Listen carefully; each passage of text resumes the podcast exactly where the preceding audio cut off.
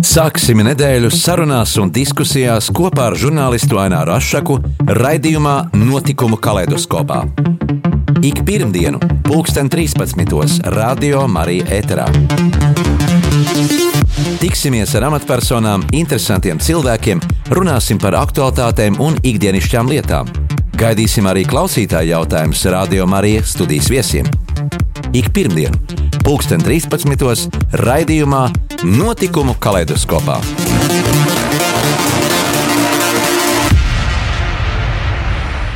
Esiet sveicināti mūsu radio klausītāji! Šodien mūsu studijā viesosies bijušais Latvijas televīzijas ilgadējais diktors Ulrichs Tokmanis, kura ekrāna tēls un skanīgā balss atmiņās palikusi daudziem vecākās paaudzes ļaudīm. Tie bija 70. un 80. gadi, kad melnbalto televīziju nomainīja krāsu, attēls bet konkurences nebija, jo raidīja tikai viens televīzijas kanāls, Latvijas televīzija. Sākumā tas bija no Agenskalna studijas, bet 80. gados jau no Zaķu salas. Sveiks, Uldi! Sveiks! Ar tevi mēs personīgi esam pazīstami aptuveni 30 gadus, un cik atceros, tad Latvijas televīzijā tu tobrīd jau vairs nestrādāji. Uh, bet kāds bija pats sākums, kā tu nokļuvi eh, televīzijā, tādā pavisam retā profesijā strādāt? Tā, nu tu gan pajautāji tagad. tas bija ļoti sen, jā? Jā, zini, tas bija tā, ka praktiski pirmsākums jau bija 1900, tie visi noteikti jāsaka mm -hmm. tagad ir, jā. 69. gadā, kad es sāku studēt Latvijas universitātē, un tad arī vienlaicīgi man arī mūsu kopējais paziņu Raitas Kalniņš, uzaicināja vienkārši nu, tāpat kaut ko pamēģināt radio uztaisīt. Labi, es to izdarīju, un kā pa brīnumu pašam sanāca, pieņēma, pārraidīja to visu. Nu, un tad eh, mazliet vēlāk radio tika norganizēta diktoru skola, divgadīga. Vadīja Antonija Apele, konsultēja Arnolds Liniņš, Nu, man ieteica tur aiziet uz to. Es aizgāju, pusgadu nomācījos, nē, gadu, gadu mhm. nomācījos, un radio vajadzēja uz pusgadus pusslodzes diktors. Nu, man paņēma. Tas pusgads pagāja. Un neviens man neatgādināja, ka mans laiks ir beidzies, ka jāiet projām. Uh mhm. -huh. Un tā es paliku radio, beidzu studijas. Nu, tad tas bija 1974. gadā. Eh, kad mani pārcēla darbā uz Latvijas televīziju. Bija tur brīva diktora vieta. Bija. Jā, televīzija tā tad ir attēls un skaņa. Rādio bija tikai skaņa. Jā, Nu, kā tu sajūties eh, tajā brīdī, kad izgāja televīzijā tiešraidē? Eh, nu, šobrīd varbūt eh, mēs vairāk vai mazāk esam pieraduši jau, ka mums katru dienu tur moderātori, tagad moderni sakot, sarunājas ar dažādiem nu, speciālistiem, amatpersonām, politiķiem. Bet ko nozīmē toreiz būt diktoram? Kas bija jāievēro pa pamatu principiem? Nu, es domāju, ka praktiski jau nu, pamatprincipi. Te tomēr pastāv tāds diezgan nepareizs uzskats. Visi uzskata, ka lūk, tie diktori, diktori televīzijā bija praktiski vienīgie cilvēki, nu vēl tur pāris, mm -hmm. kas uh, varēja tiešajā ēterā uzrunāt skatītājus. Pārējie tikai ierakstā vai kaut kā savādāk, vai caur diktoru vai komentētāju. Uh, nu, ka tie nu noteikti visi ir kompartijas biedri, ka tie visi ir čekas aģenti, nu, muļķības. Es nekad neesmu bijis komunistiskās partijas biedrs, lai gan esmu vadījis televīzijā ujujuj kādus raidījumus. Ja? Ar augstākām tā laika amatpersonām no jā, jā, jā, jā, runājis, vai ne pat ar partijas pirmajiem sekretāriem. Tāpat arī čekas aģents. Nu, neesmu bijis, ja, lai gan daudz tam netic. Nu, ticiet vai neticiet, nu, es pats esmu to pārbaudījis. Nu, tiešām nu, neesmu bijis. Un, e, Mājiņa, ka vajadzētu, varbūt jā, ir bijuši, bet mm -hmm. nu, nē. Ja. Nu, bet televīzijā cilvēkam kadrā. Nu, Redziet, tur arī, kad, ja tu prasītu katram no tiem, kas tajā laikā strādāja, diemžēl daudz jau vairs nav starp mums, katrs varbūt atbildētu kaut kā savādāk. Nu, es pateikšu tā pavisam vienkārši. Tev ir jābūt vienkāršam, dabīgam, patiesam, gudram cilvēkam. Kāds tu atceries savus kolēģus, diktorus? Oi, tie bija daudz un dažādi.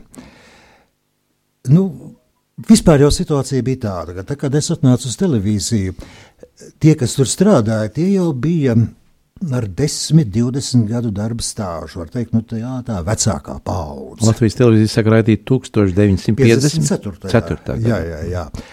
Un tā jau bija tā vecākā paudze. Un es tur tāds jauns zaļš gurķis ienācu iekšā. Nu, dabīgi, ka mans darbs stils, man tā runāšanas maniera, man uzvedība katrā nu atšķīrās no viņiem. Nu, Gārdas Sinkēvičs, Ulda Deisona. Ja?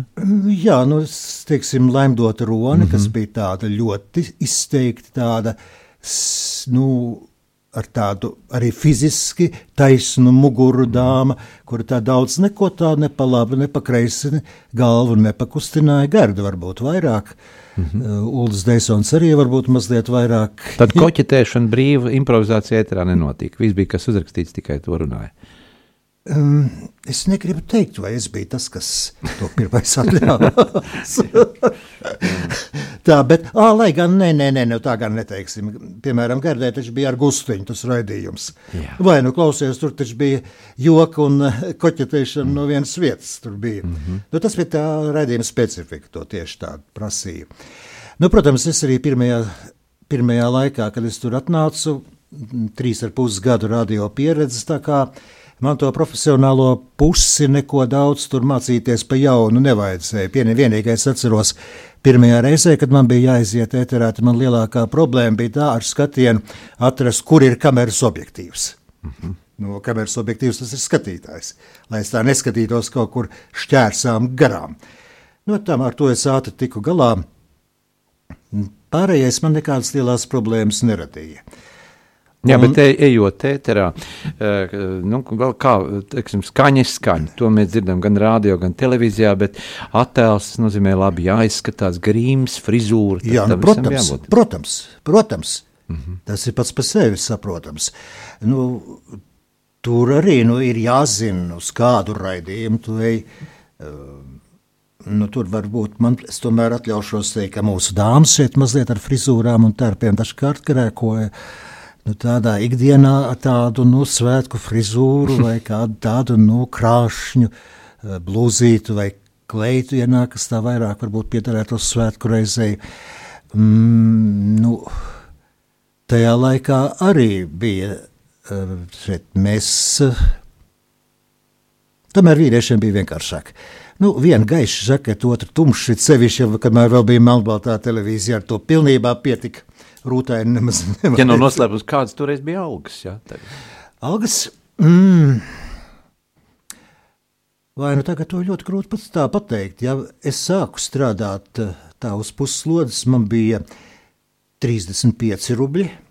Radio. Mm. Televīzijā bija tieši tādas pašas. Bija, ja? mm nu, pie jūs pilnas slodzes būtu 70, pēc tam bija 90 pēc pāris gadiem, pēc tam eh, jau, kad bija pēc tam jau 110, nu par 140 rubļiem augstāk nevarēja tikt. Strādnieks varēja vairāk nopelnīt. Protams, protams, protams, jā.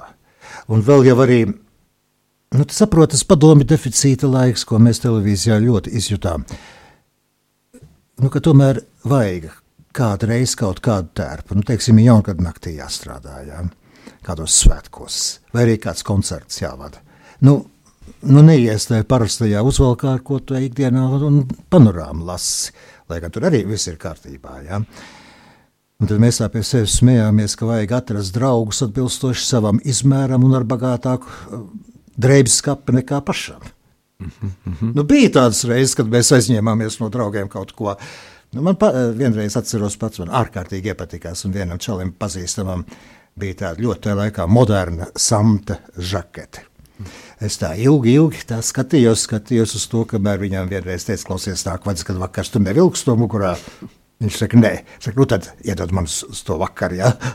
Aizņemies. Nu, jā, jā, jā. jā. Mm -hmm. Jā, bet jūs jau mm, faktiski bijāt tāds zināms brands vai ģimenes loceklis, tā var teikt.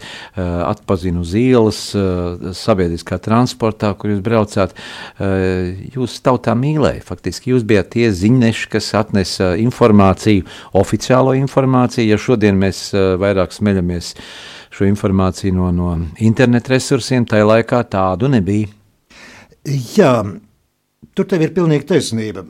Un tas informācijas nesējs, protams, tas bija. Nu, arī neaizmirsīsim mūsu radio kolēģus, tie, kas jau arī to pašu darīja. Mm -hmm. Bet um, televīzijas diktors tajā laikā bija vēl kaut kas vairāk. Saprotu, kaut vai pat ar to, ka viņš vienkārši parādās kadrā. It sevišķi, ja skatījās kāds vientuļš cilvēks, viņš pēkšņi jūta, ka viņam mājās ienāk kāds sīvs cilvēks. Viņš pat sasveicinājās Jā. tev pretīm. Ja? Mm -hmm vārdā mūs uzrunāja arī, kad kaut kur sastapu uz ielas.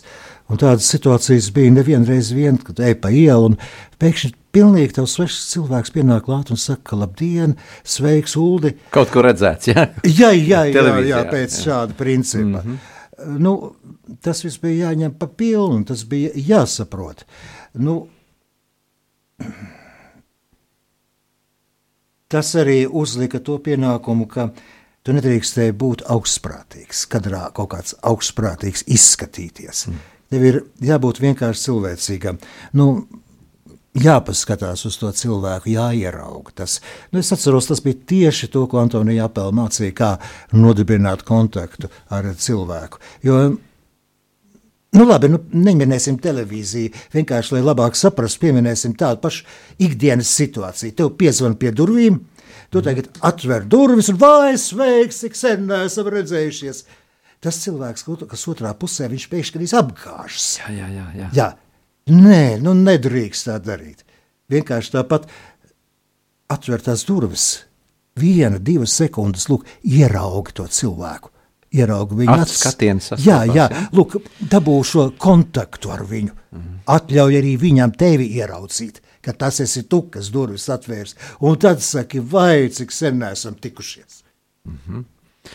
Jā, bet toreiz eh, šo ziņu saturu tomēr vairāk, eh, vairāk cenzēja. Ja, kā tas notikās, eh, nu, šī atlase, ziņu atlase, ko raidīt, ko neraidīt, un tā nu, jau vairāk bija centrālās komitejas norādītā informācija. Nu, cenzēja jau nu ne tikai ziņas, visam bija cenzūra jāiziet cauri.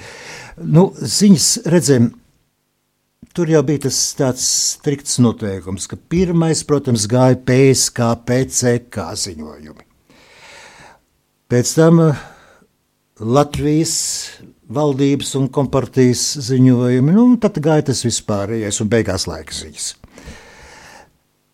Bet, saprotu, tur bija viens tāds, uh, es nezinu, kas to Maskavā bija izdomājis, par ko arī es zinu Maskavā centrālajā PSRS televīzijā, visi sūdzējās.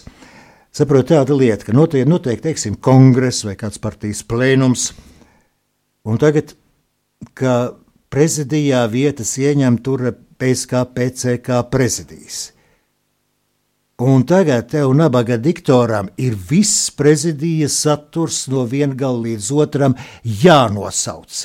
Saprotu, tas ir turpat vesela lapas puses. Piedod, tās ir divas minūtes no informatīvā raidījuma. Kāds to spēja noklausīties? Nu, tas dabīgi neviens, bet nu, prasība, ka tas Jā. ir jādara.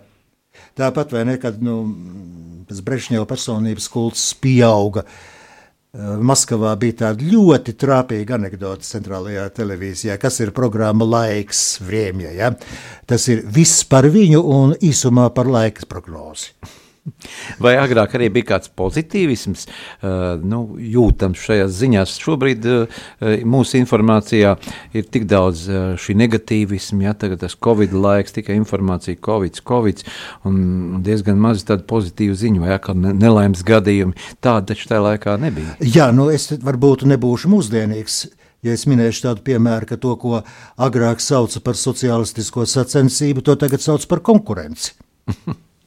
Jā, izlaukumi, jā, Marta. Jā, vai dieviņās. Marta Sarmule izlauc. Klausies, un te taču bija tas trakākais tas, ka es kur es galīgi neorientējos. Tas bija lauksaimniecība, teiksim, eh, celtniecība, nu tur Mm -hmm. Man nekādas sajēgas nav. Ja cik no vienas govs normāli var izslaukt, cik no viena hektāra var izaudzēt, man ne mazākās sajēgas par to nebija. Jā. Un tāpēc nav jābrīnās, ka man tur arī, ja nu kaut kas atgadījās, tad parasti atgadījās šajās vietās. Tā vienu reizi bija šāds, par, par ko tur ām. Jā, par cūkām, par cūkopējām. Mm -hmm. nu, tur bija tekstā tāda frāze, ka lūk, tādas un tādas tur cūkopas izaudzinājušas tik un tik cūkas. Jā. Vai nobarojušas, nu kā, nu kā tur tas bija. Ja? Un es kā jau nekā nesajāgdams par šo tēmu, es tā mierīgi lasu šo tekstu un mierīgi pasaku, ka tādas un tādas tur cūkopas izslaukušas tik un tik cūku.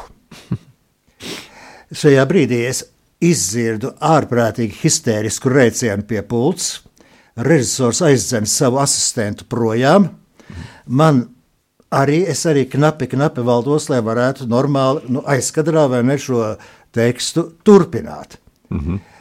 Nu, viss tā, paldies Dievam, veiksmīgi, veiksmīgi beidzās, kad Dimants gan ar pirkstu parādīja galvenais redaktors. redaktors jā, jā, jā, jā, jā, jā, nu, nu, nu, nu, nu. Kas tur ja? nu, bet, nu, tā, tā gadījās. Gadījās kurjos, bet arī saprotoši cilvēki bija. Nu, protams, protams. Un vēl ir jāsaka tas, ka Latvijas televīzijā kopumā cilvēki tomēr bija tādi ļoti cilvēcīgi. Lai gan tur bija vai raksturi, bija raksturi un personības, bija vis visādas un ambīcijas, vai vēl jau vairāk. Bet uh, saproti, speciāli neviens eh, tur negāja, negāza viena otrai, tur kādam kaut kas mm -hmm. nebija tā gadījies. Un arī priekšniecība arī tā bija visai saprotoša. Mm, ļoti meistarīgi bija dabūts tas balans, lai pēc iespējas vairāk raidījumu varētu būt latviešu valodā. Jo bija jau jābūt arī nacionālajās televīzijās, bija obligāti jābūt krievu valodā raidījumiem. Nu, tad tādā vienā lielā mierā, nu ko, nu, krievu valodā raidījums, viena dokumentālā filma. Mēs bijām vienīgie diktori visā Padomju Savienībā, kas runāja divās valodās. Uh mhm. -huh. Līdz ar to tas arī, tas, ko mēs krieviski pateicām, tas arī aizgāja šo krievu valodas raidījumu rēķinu, un līdz ar to mēs varējām vairāk strādāt latviešu valodā. Jā. Atgādinu, ka studijā mēs sarunājamies ar, ar ilgadējo Latvijas televīzijas diktoru uh, Uldi Štokmeni, bet varbūt mūsu klausītājiem arī kāds jautājums, tā kā droši variet piezvanīt uh, mums studijas tālruni, tad varat pierakstīt 67 969 131, atkārtoju tālruņa numuru studijā. 67 969 131. Vai rakstiet SMS izziņu, un tad, tālruņa numurs izziņā ir 266 77, 272, 266, 77, 272, vai arī e-pastā gaidām jautājums studija at rml.lv, studija at rml.lv. Bet tagad klausāmies uh, mūsu studijas viesu izvēlēto skaņdarbu.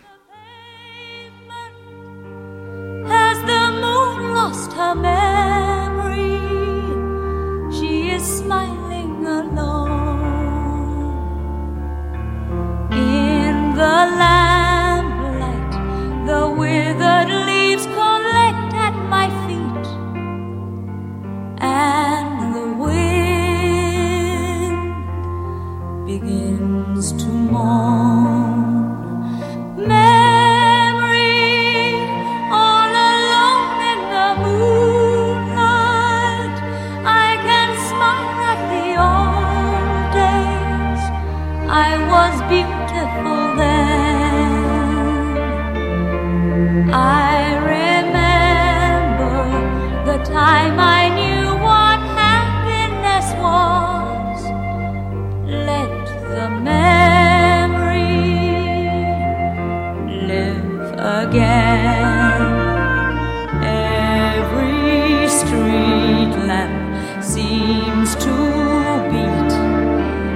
fate.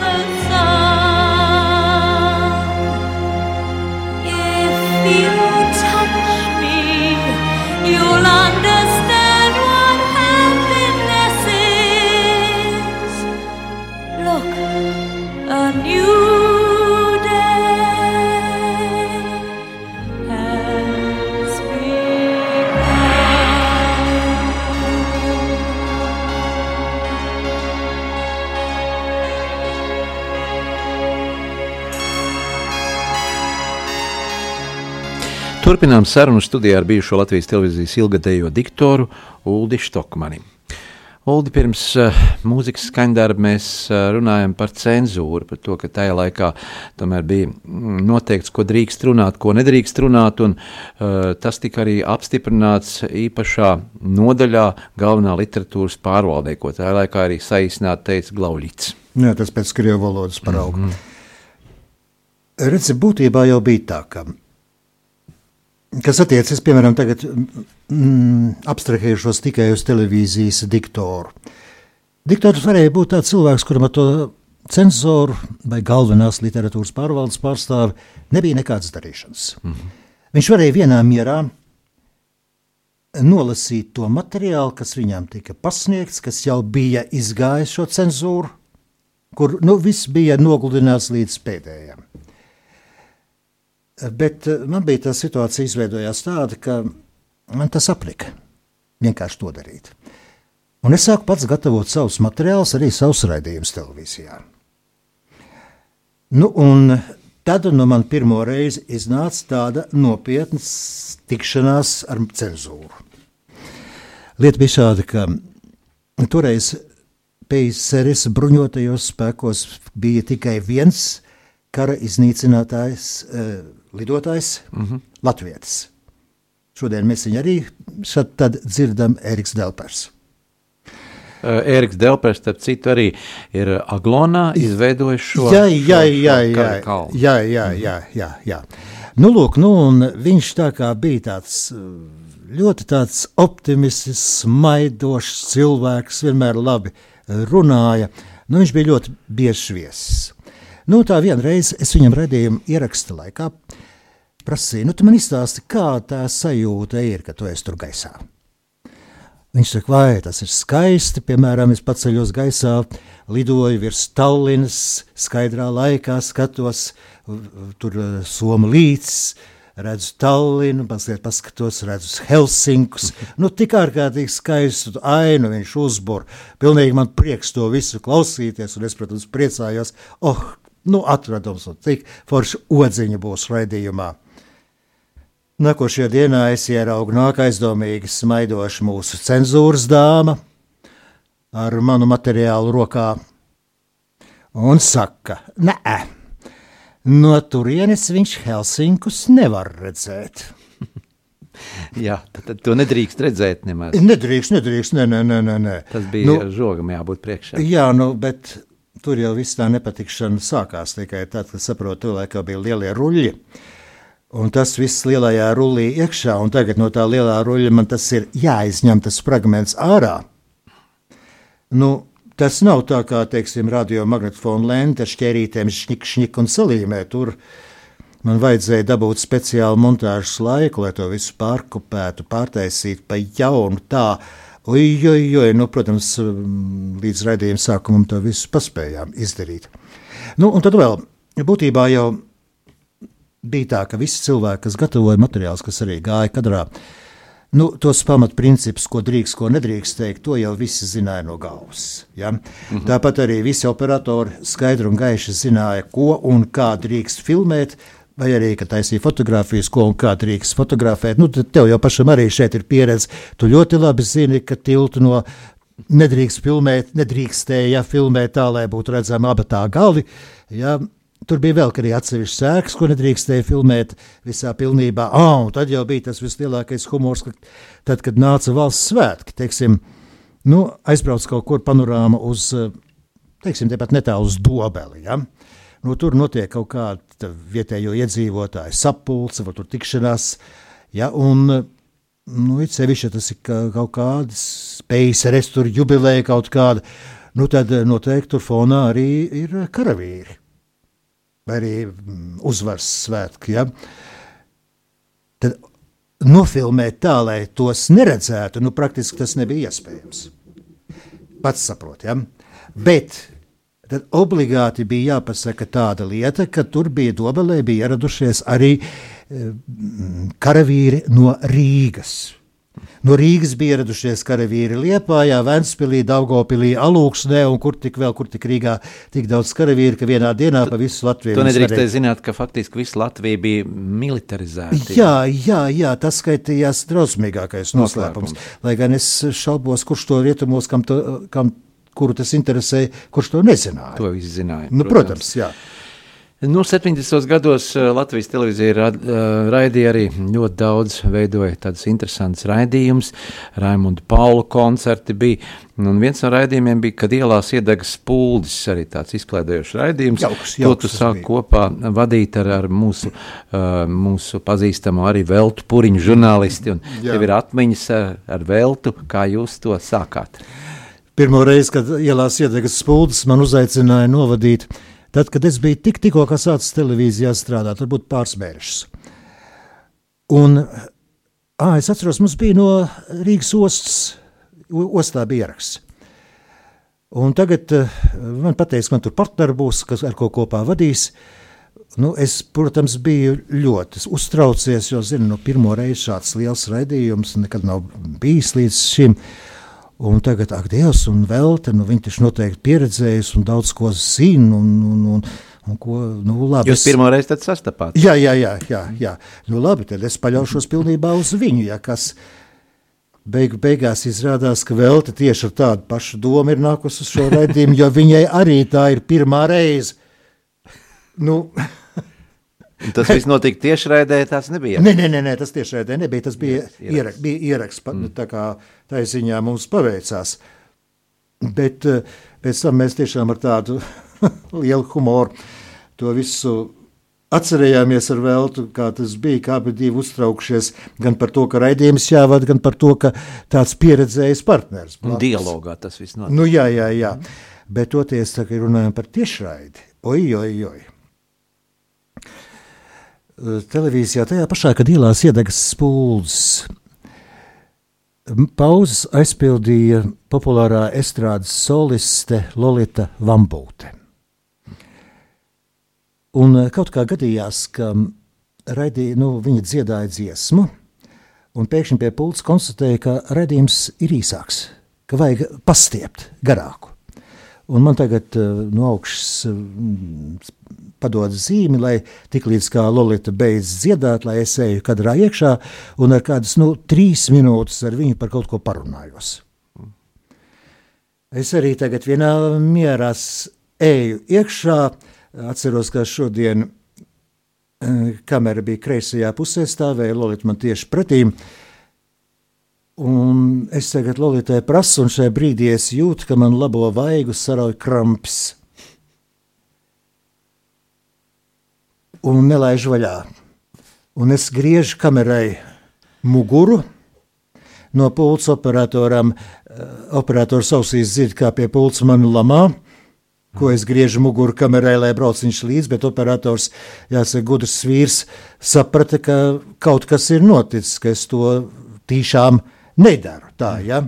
Lolita Lambūta stāv man pretī, viņa redz, kas ir noticis, viņai nāk smiekli, par to šādā traģiskā situācijā. Mm -hmm. nu, kaut kā tās trīs minūtes mēs, protams, izvilkām. Tas viss beidzās labi. Nu, nu arī kaut kas tāds, ko uh, ar tādu humoru varētu Jā.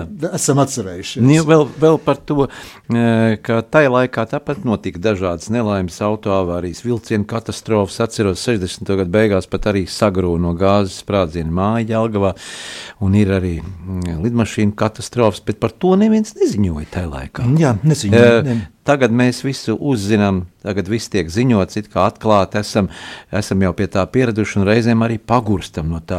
Tas laiks liekas, kad eh, zāle bija zaļāka un debesis zilākas, un tas laiks bija skaists, jo tā nervu sistēma mums kaut kā tomēr eh, nu, bija līdzsvarotāka. Nu, redziet, toreiz jau darbojās tās divas informācijas sistēmas. Viena bija oficiālā radio, televīzija, prese, un otra bija viena tante teica. No mutes mutē. Jā, un, un no tās jau dabīgi par to namu nelaimīgo Jelgavai, par to liepājas lidmašīnu un vēl par daudzām lietām. Nu, tu taču, nu, kurš to nezināja? Kurš to nebija dzirdējis? Tāpat par to kuģīti, kas no Jā, jā, jā, nu tieši tas pats. Jā, Tad Daugavā jā, ar pionieriem. jā, jā, jā. Jā, nu atkal ir muzikālā pauzīte. Klausamies um, skaņu darbu. Atgādinu mūsu klausītājiem, eh, ka šobrīd mēs sarunājamies ar bijušo Latvijas televīzijas ilgadējo diktoru Uldi Stokmani un gaidām arī pacietīgi, ka kāds varbūt piezvanīs, atcerēsies uh, to laiku, kad Uldis bija ēterā.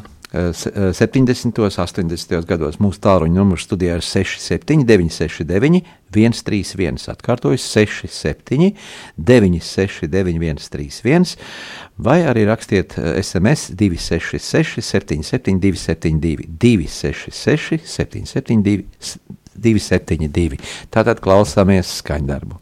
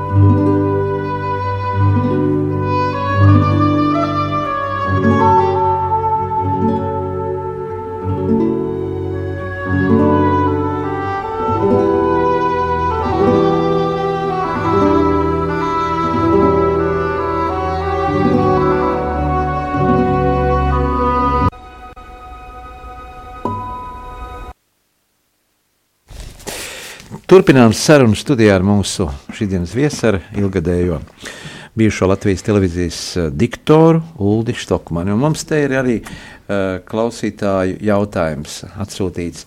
Mm, Vēlētos mm, pajautāt tā, studijas viesim, vai kaut kur vēl var apstīties padomju laikā radītās muzikālo raidījumu varavīksne uh, materiāls. Tātad Sandris tā mans klausītājs raksta. Varavīksne, kuru vadīja toreiz Aldis Ermanbreks, jā. Tā, vai to var kaut kur apskatīties, vai es mm, nevarēšu Sandrim to tā precīzi atbildēt. Droši vien, ka jāpiezvan uz bet, Jā, televīziju. bet es zinu gan to, ka televīzijā noteikti arhīvā tas Arhīvā, ir. jā. Televīzijā ir videoteka, tur LSM, LV. Nu, tur man šķiet, ka tur noteikti vajadzētu telefonu numuram būt, jo šie materiāli tiek izmantoti. Es pats esmu redzējis, šādi tā, tā tiek izmantoti. Tur arī kas tu vari arī. Jā, nu, jā tur ir diezgan plašs, bet arī konkrēti no varavīksnes redzējumiem fragmentus es esmu redzējis. Jā. Paldies par uh, jautājumu klausītājiem. Uh, bet ko tev pašam turpmākā dzīvē deva šie televīzijā, mm, pa, televīzijā pavadītais laiks un šis darba rūdījums? Nu, ko tas Pēc deva? darba gaita beigšanas uh, televīzijā. Fiziski tas nedeva nekā. Jo tur bija situācija tāda, ka tā, kad um, tāds diktora institūts kā tāds tika likvidēts, nu, par to tas bija tā, notika, jāteic, diezgan neglītā veidā. Un tas bija sāpīgi tomēr. Nu, es pats, piemēram, ļoti labi atceros, ka to, ka es te pirms tam, nu, zinot, ka tomēr nu, visu mūžu par diktoru nestrādāšu, es arī sāku mēģināt par redaktoru strādāt mm -hmm. televīzijā. Tad par to, ka es vairs nestrādāšu par redaktoru, es uzzināju tajā brīdī, kad es biju iekāpis trolēļbusā, lai brauktu uz mājām, kad man to priekšnieks pateica. Un par to, ka es nestrādāšu par diktoru, to man teica, kad es biju televīzijā ceļā uz kafejnīcu. Arī priekšnieks pateica. Tas bija nu, vispiemērotākie brīži. Un kāpēc, tavuprāt, tika likvidēts šo diktoru? Redzēsim, tur Nu, pats par sevi saprotams, nu, tas, tādā veidā, kā tas darbojās, tas vairs neatbilda. Tā jo bija jau pārmaiņu laiks. Jā, tas neatbilda vairs tā laika prasībām, jo vienkārši tāds cilvēks, kurš nu, tikai nolasa kaut kādu papīru, uzrakstītu, nu, tas nebija vajadzīgs vairāk televīzijā. Bija vajadzīgs kaut kas cits, vai ne? Ko tagad mēs ļoti bieži saucam par uh, jā, DJs. Moderators. Mo moderators, DJs kaut kas tāds, jā. Es jau uz šito te izgāju. Es pats sāku mm, nevis vienkārši klausīties vai skatīties tagad tur tādu un tādu raidījumu, bet eh, kaut kā to savādāk aprakstīt, tā lai piesaistītu interesi pats saviem vārdiem, ar savu tekstu. To es visu darīju. Nu, kaut kur var būt eh, šāds eh, vakara viesis, tā diktoru vai moderatoru personā, kaut kur drusku varbūt tādiem vecākiem cilvēkiem pietrūks šodien, bet laikam no otras puses, nu, nu es nezinu, kam tas ir vajadzīgs. Tev bija iespēja arī vadīt uh, Čatokas konferenci. Jāatgādina mūsu klausītājiem, ka Čatokas konferencē pulcējās amerikāņu kongresmeņi uh, Latvijā. Tā bija tāda liela, liela sanākšana. Un, uh, Pastāst par šo pasaku. Tas bija faktiski atmodas laika, nu, pirmie, pirmie iedīgi. Tas bija jā, pirmais iedīglis. Nu, mazliet neprecīzi vadīt konferenci. Nē, es vadīju konferences koncertu muzikālo daļu. Mm -hmm. Tas bija tā. Lai deviņās, kā man šodien veicas, kur tik, par ko tik padomāt, ir visur kāds humors nāk prātā. Nu, pastāst. Šeit ir tas pats. Man, es satiku Raimonu Paulu. Pirms tam viņš man saka, klausies, tu man vadīsi to konferencē, klos koncerts tur ar amerikāņiem kopā, kur mēs būsim. Tu dabū tur c- papas, saka, lai tev uzrakst caurlaidi. Nu, es aizēju pie galvenā režisora un saku, lai man, man to c- caurlaidi vajag. Uz ko viņš man atbild, nē, tev nekāda caurlaidi nevajag, tu nerunā angliski. Kā viņš zināja, ka tu nerunā angliski? Es nezinu. Es nezinu. Bet tu, esi, tu, tu taču tajā laikā prati perfekti angliski. Viņš teica, ka es nerunāju. Viņš nebija angliski. interesēts, Viņš nepiekrita tam. Mm. Jā. Nu, tad bija tā, aizgājām uz turieni. Un tajā sēdz drusku televīzijas puse nebija kaut ko līdz galam nostrādājusi, jo izrādījās, ka vakarā ir tiešā translācija. Nav ne koncerta programmas, nekāda teksta, nekas, nekas nav sagatavots man kā programmas vadītājam. Eh, Mana partnere, viņa uzreiz uzdeva, jo viņa necenzētus, nu, ne, ne, necenzētus, ne, ne tādā nozīmē, bet bez cenzūras. Bez cenzūras. mēs savu- savā- Jā, jā. saprotam šodien. Jā, jā, viņa nerunās ne par ko. Mm. -hmm. Bet man neviens, un- viņai neviens nav ļāvis pie amerikāņiem iet klāt, ar viņiem runāt un kaut ko viņiem prasīt. Bet man neviens nebija pateicis, ka es nedrīkstu pie tiem amerikāņiem iet klāt un ar viņiem sākt runāt. Nu tā, es pats tur izmantoju tās stundas, kas tur bija līdz vakaram, sagatavoju savus tekstus, kas sākās, nu tad pats runāju latviešu, krieviski, angliski, visus tos uh, tekstus, ko pats biju sagatavojis. Pēc tam jau man prasīja, kas tev tos tekstus bija sagatavojis? Saka, neviens, neviens tas pats. Tad Pats. viss brīnījās, kā tas tā, kā tā drīkst, kā tas ir iespējams. Un turklāt bez cenzora akcepta. Ja? Nu, tur, Ainārs saprot, tur nebija kad. Nebija Tas kad. notika turpat uz vietas. Turpat uz vietas Dēls teātrī, kur tas pirmais koncerts notika. Nu, es tev vēlreiz atgriezīšos pie tā, ka es teicu, mums bija pietiekoša praksa. Lai mēs zinātu, ko drīkst un ko nedrīkst. Un uzreiz jau redzēt, kur, kur eh, cenzors varētu piesieties par kaut ko. Bet tas jau bija Gorbačovs laiks. Nu, bet tik un tā, tik un tā varēja vēl bija, bija, bija. Tāpat vēl bija. Jā, jā, tas, tas, es nepateikšu, kurā gadā, 86. tas bija. jā, bet kurā gadā likvidēja cenzūru. Nu, tad uz 89. Nu, kaut kur tas bija mazliet vēlāk, es to neatceros vairāk. Nu, tā, un tas viss, eh, viss tā aizgāja. Nu, pēc tam, jā, nu, pēc tam jau sapratu, ka es tomēr angliski kaut ko pateikt varu. Un tad eh, man nācās diezgan daudz runāt. Un arī, arī ar to pašu čataklu vai dieviņās atcerējos vēl vienu joku. Tas bija visu dienu. Mēs bijām gatavojuši vakar, nu, nākošai dienai koncertu. Un es eh, pamatā visu to dienu biju runājis angliski. Vakarā atbraucu uz mājām, no trolēļus iegāju veikalā. Nu, toreiz nebija liela veikals, toreiz bija gastronomija, ja, ar leti un pāris cilvēkiem aiz rindas. Nu, kaut ko vakaram nopirkt. Un tagad es stāvu, pienāk mana kārta, un nu, tagad ir ziepes. Es zinu, ka tas, ko es gribu nopirkt, angļuiski saucas sausage, vāciski divurst, un ne latviešu, ne krieviski desa vai kalbasā. Tādus vārdus ne par ko es neatceros. Tur ir tādas lietas nevarēja. Nē, bija, bija, vai mums bija veikalā, bija, tā nesaka. Un, un ne, nevar te atrast, nu, tad, nu, ko darīt. Nu, es vienkārši pārdevēju ar pirkstu parādīju, ko man vajag. Nu, tā dabūju savu, savu preci, to, kas vajadzīgs. Jā. Atkal ir laiks uh, muzikālajai pauzītei. Klausamies um, skaņdarbu. Atgādina mūsu klausītājiem, ka mēs sarunājamies studijā ar bijušo ilgadējo Latvijas televīzijas diktoru Uldi Štokmani.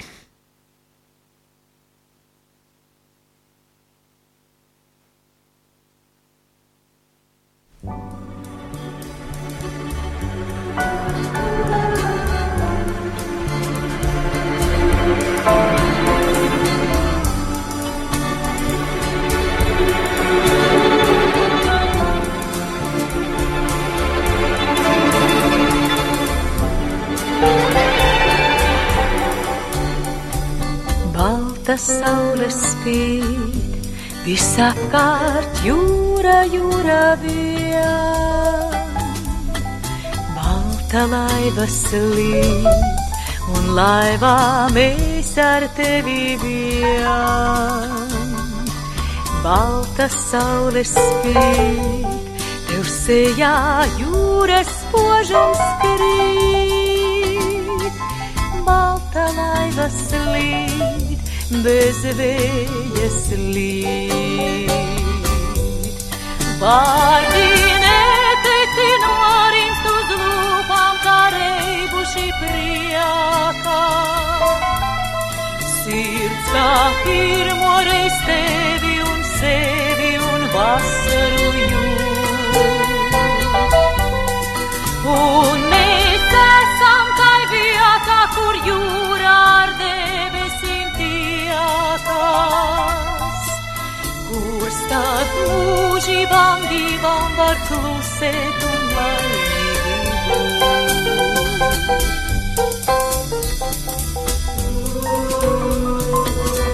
Balta saule spīd, visapkārt jūra, jūra vien.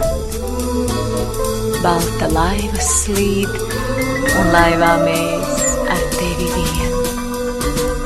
Balta saule spīd, visapkārt jūras spožums skrīt. Balta laiva slīd, bez vēja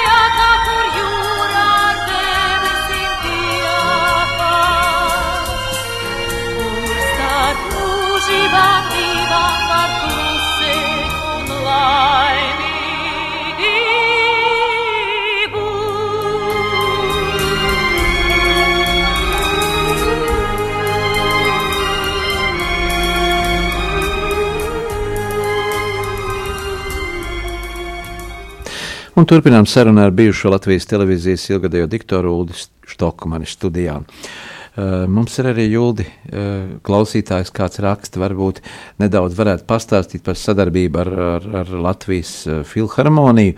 Un, un paldies tev arī, nu, mūsu klausītāji, jaunajiem būtu daudz, daudz ko pamācīties. Tieši droši vien dikcijas ziņā un, un attieksmē. Pret... Mm, jā, nu dīvaini, ka tu arī vēl klausītāji atceras tos laikus. Mm.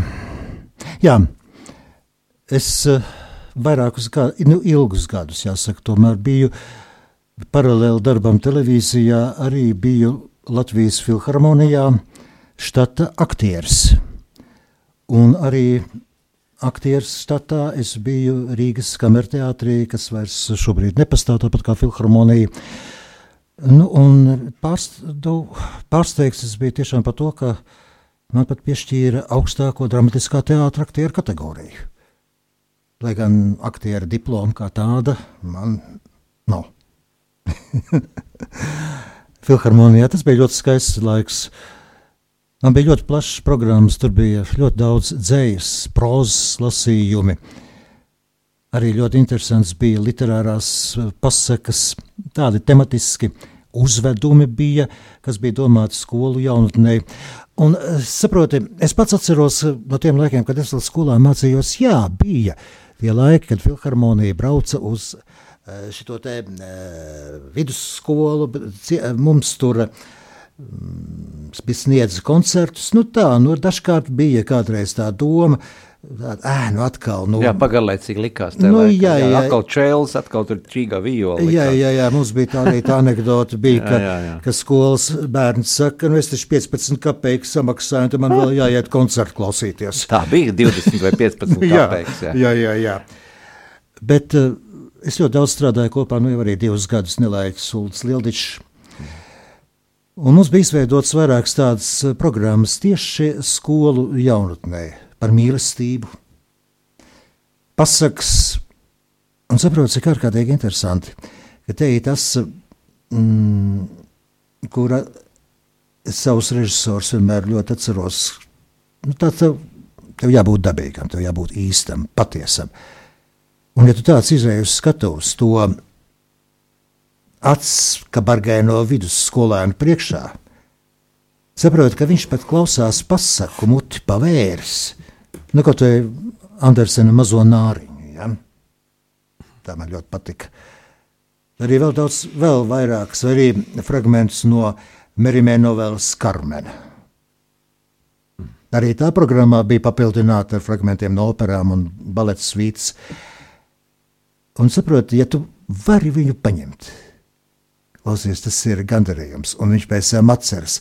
Un daudzus gadus pēc tam uh, Vienreiz man viena drauga sieva pēc kāzām teica, klausies, es taču tev uh, sestā vai septītā klasē puķis pasniedz.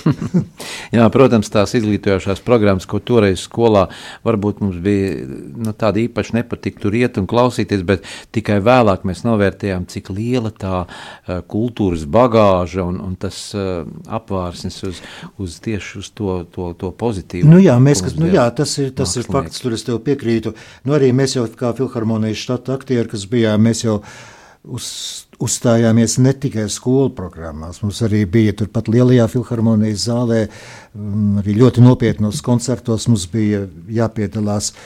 Reizēm pat, mm, nezinu, varbūt izmantoja to, ka man tā televīzijas diktora pieredze pie vienas arī varu kādu garu runas gabalu norunāt literāro, ja, arī pie viena. Uh, novadīt visu koncertu programmu, ja tāda vajadzība ir. Nu, es, es neateicu. Reklāmas arī bija? Jāielasa. Maz. Vai maz. filmas? Maz, maz, jo tur drīz vien nāca tas liku, likums par to, ka tie, kas lasa ziņas, nu, reklāmas nedrīkst skanēt balss. Ja? Jā, jā, jā. Jā, jā Uldi, 90. gados tu darbojies arī politikā ārlietu sektorā.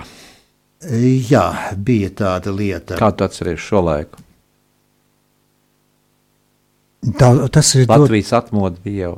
Jā, protams, tā viss atmodas laiks, tas viss bija ļoti skaists, grūts, cerību pilns.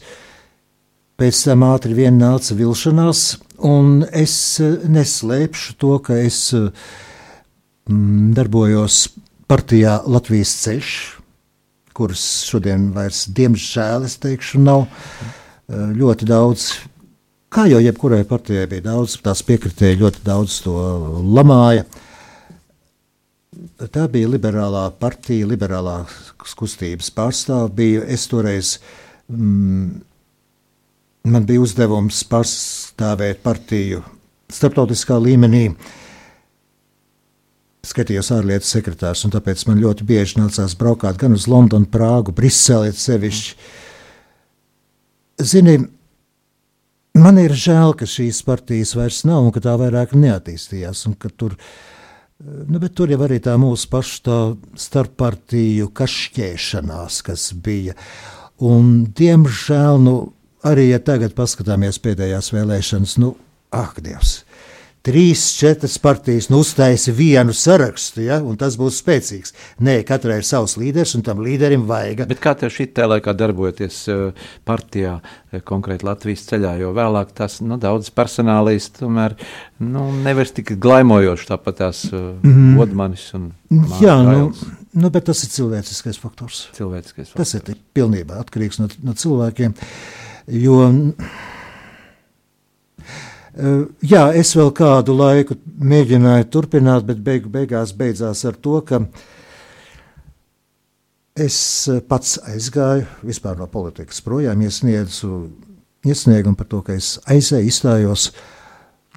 Nu, man, protams, mēģināja kaut kā pārmest, bet nē, es paliku pie sava, un šobrīd es nu, neesmu noskaņots. Uh, Es varu teikt, tā, ka es biju tajā smagajā laikā, pie, stāvēju pie tā katla blakus, kuru maisīja. Es nebiju maisītājs. Jā. Bet ļoti bieži redzot, kā tas notika, zinām, Negribas atcerēties. Negribas, negribas atcerēties. Jā. Jā. Te ir viena pateicība arī eh, tev, Uldi. Paldies, Tokmaņkungs. Vai bija kādas īpašas metodas, kā noskaņoties pirms iziešanas pie mikrofona un kameras priekšā īpašas metodas? Vai tas kāds psih, psih, eh, psiholoģisks eh, tests? Protams, protams, bija jābūt pārliecinātam par to, ko tu dari pirmkārt. Otrkārt, elpot pareizi, Jā. lai nav nekāda uztraukuma. Starp citu, pamēģiniet vienkāršu lietu. Jūs vakarā liekaties gulēt, atguļaties uz taisnu pamatnes un uzlieciet uz vēdera roku. Jūs jutīsiet, kā jūs elpojat, kur jums elpa iet iekšā un kā nāk ārā. Lūk, tā ir pareizā elpošana, bet, kad cilvēks pieceļas, viņš to nezina. Un pareizā elpošana Dievu. palīdz saglabāt mieru, neuztraukties, lai neraustītos valoda. Skatieties cilvēkam acīs, ieraugiet šo cilvēku. Ļaujiet viņam ieraudzīt sevi, uzticieties cilvēkam, ticiet arī pats sev. Ja? Nu, nu. Tad jau viss būs kārtībā. Jā, jauks padoms, bet mūsu raidījuma laiks tuvojas noslēgumam. Pavisam īsi novēlējums visiem mūsu uh, rādījuma arī klausītājiem, kuri mūs klausās šobrīd. Uh, Atgādinu, ka mēs sarunājāmies ar ilgadējo Latvijas televīzijas diktoru Ulu Stokmanu. Tagad, Ulu, tavs novēlējums. Kā tu tajā laikā atvadies no, no klausītājiem? Tī, tas nav svarīgi, kā toreiz. Tas vienkārši ir labi nākt. Bet šodien, kad es vien gribētu pateikt, es kāpēc man šorīt ienāca prātā, lai mēs pret uh, saviem līdzcilvēkiem izturētos tieši tāpat, kā mēs dažkārt gribam, lai Dievs izturās pret mums. Un tas ir pats sākums no sestā psalma. Kungs nesodi mani savās dusmās un nemāci mani savā bardzībā. Jā. Paldies! Jauks novēlējums! Ir 1. februāris, soļosim tālāk savā dzīves gaitā. Novēlu arī tev labu veselību, izturību, un pēc dažiem gadiem Latvijas televīzija svinēs 70 gadu jubileju. Tiksimies atkal, atkal atmiņās, kavēsimies, bet paldies par šo pavadīto stundu šeit, Rādio Marija, ēterā un uz redzēšanos. Lai mums veicas! Paldies! Sāksim nedēļu sarunās un diskusijās kopā ar žurnālistu Aināru Rošu raidījumā Notikumu kaleidoskopā. Ik pirmdienu, pulksten 13. Radio Marija Eterā. Tiksimies ar amatpersonām, interesantiem cilvēkiem, runāsim par aktuālitātēm un ikdienišķām lietām. Gaidīsim arī klausītāju jautājumus Radio Marijas studijas viesiem. Ik pirmdienu, pulksten 13. raidījumā Notikumu kaleidoskopā.